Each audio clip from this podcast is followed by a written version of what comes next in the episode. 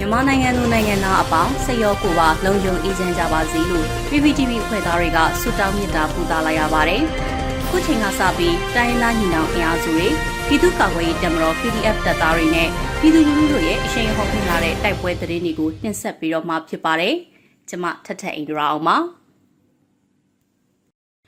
ပထမဦးစွာတပည့်ရင်မြို့အဝင်စစ်တပ်စစ်စေးရေးဂိတ်စခန်းကို40မမနဲ့ပြစ်ခတ်တိုက်ခိုက်ခဲ့တဲ့ဆိုတဲ့သတင်းကိုတင်ဆက်ပေးပါမယ်။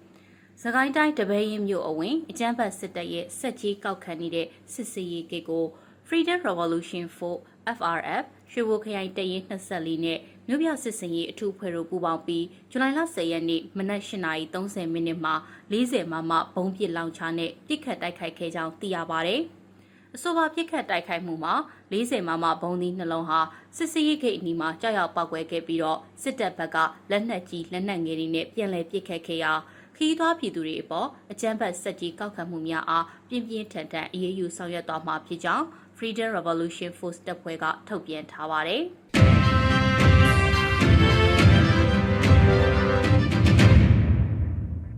ဆက်လက်ပြီးတော့မြင်းမှုမှာစစ်ကောင်စီထောက်ပို့ရေးနှစ်စီးမိုင်းခွဲခံရတဲ့တဲ့ရင်ကိုတင်ဆက်ပေးပါမယ်။စကိုင်းတိုင်းမြင်းမှုမြို့နယ်ကံပြားစရက်နဲ့နဘဲကျူးစရက်အကြားမှာ အကြမ်းဖက်စစ်တပ်ထောက်ပို့ကားနှစ်စီးကိုဒေသခံကာကွယ်ရေးတပ်ဖွဲ့တွေကဇူလိုင်လ17ရက်နေ့မနက်9:30မိနစ်မှာမိုင်းဆွဲတိုက်ခိုက်ခဲ့ကြောင်း Monyo Revolution Force MNRF တပ်ဖွဲ့ကသတင်းထုတ်ပြန်ပါတယ်။အဆိုပါထောက်ပို့ရင်နှစ်စီးဟာစကိုင်းဘက်ကနေထွက်လာတာဖြစ်ပြီးတော့ Monyo Revolution Force MNRF Pentagram 9000ကျဲ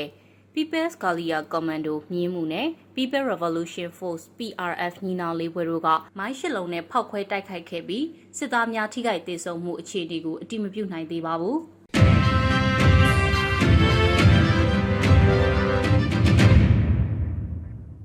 ရွာငံပင်းဒီယာလမ်းပိုင်းမှာစစ်ကား9စီးကိုပရိသာမိုင်းနဲ့ဖောက်ခွဲတိုက်ခိုက်မှုစစ်သား10ဦးတိစုံနိုင်တဲ့တဲ့တင်ကိုဆက်လက်တင်ဆက်ပေးပါမယ်။ရှမ်းပြည်နယ်ရွာငံပင်းရလမ်းပိုင်း ညောင်ကုန်းနဲ့လက်ပံကြားမှာစစ်ကား9စီးပါရင်နံကိုဒေသခံကာကွယ်ရေးတပ်ဖွဲ့တွေကဇူလိုင်လ10ရက်နေ့မွန်းလွဲတနာရီခန့်မှာဗရီတာမိုင်းနဲ့ဖောက်ခွဲတိုက်ခိုက်ခဲ့ပြီးတော့စစ်သား10ဦးထပ်မံနဲ့တေဆုံးခဲ့ကြောင်းကြောက်စဲငကနီပျောက်ကြားတပ်ဖွဲ့ကသိရပါဗျ။အဆိုပါရင်နှမ်းမှာရွာငံပင်းတရမြို့နယ်ဦးစီးမှုဒေသဦးစီးမှုအာကာလင်လိုက်ပါလာပြီးတော့ရွာငံမျိုးကနေပြန်လာစဉ်ကြောက်စဲနဂနီပျောက်ကြားတပ်ဖွဲ့နဲ့ရွာငံပြည်သူ့ကာကွယ်ရေးအဖွဲ့တို့ကပူးပေါင်းတိုက်ခိုက်ခဲ့ခြင်းဖြစ်ကြောင်းသိရပါဗျ။ အဲ့ဒီဖောက်ခွဲတိုက်ခိုက်ခဲ့မှုဖြစ်စဉ်အတွင်းမှာစစ်ကားနှစ်စီးပျက်စီးခဲ့ပြီးတော့စစ်သား10ဦးထပ်မံနဲ့ပွဲချင်းပြီးတေဆုံးကတေဆုံးစစ်သားအလောင်းများနဲ့ထိခိုက်ဒဏ်ရာရရှိသောစစ်သားများကိုအောင်ပန်းမြို့ဂဒင်900စစ်စီယုံကိုတည်ဆောင်သွားကြောင်းသိရပါဗျ။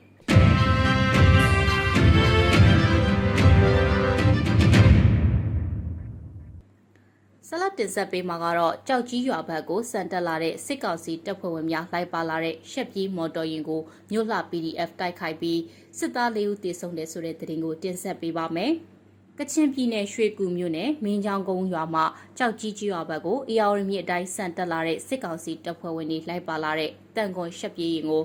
ဒီကနေ့ဇွန်လ17ရက်နေ့မနက်အစောပိုင်းမှာမြို့လှ PDF ကပြစ်ခတ်တိုက်ခိုက်ရာစစ်ကောင်စီဘက်က၄ဦးသေဆုံးပြီးထိခိုက်ဒဏ်ရာရရှိသူများရှိကြောင်းမြို့လှ PDF ကသတင်းထုတ်ပြန်ပါတယ်။အဆိုပါရှက်ပြေးရင်မှာခမရ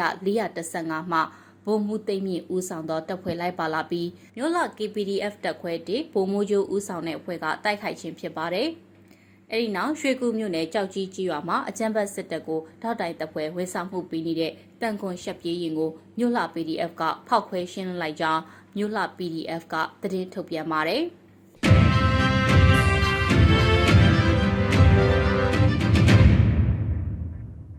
နောက်ဆုံးအနေနဲ့အမျိုးသားညီညွတ်ရေးအစိုးရပြည်ထရေးနဲ့လူဝင်မှုကြီးကြပ်ရေးဝန်ကြီးဌာနက2022ခုဇူလိုင်လ17ရက်ရက်စွဲနဲ့ထုတ်ပြန်တဲ့ပြည်သူ့ခုခံတော်လှန်စစ်သတင်းအချက်အလက်တွေကိုတင်ဆက်ပေးပါတော့မယ်။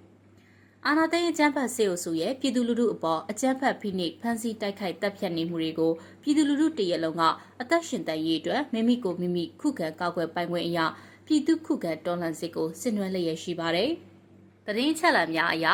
10ရက်9လ2022ခုနှစ်တောက်ကြနေ့မှာစစ်ကောင်စီတပ်ဖွဲ့ဝင်82ဦးသေဆုံးပြီးထိခိုက်ဒဏ်ရာရရှိသူ14ဦးအထိခုခံတိုက်ခိုက်နိုင်ခဲ့ပါတယ်။ဆရာနာရှင်စနစ်မြန်မာပြည်ပေါ်ကအပိတိုင်ချု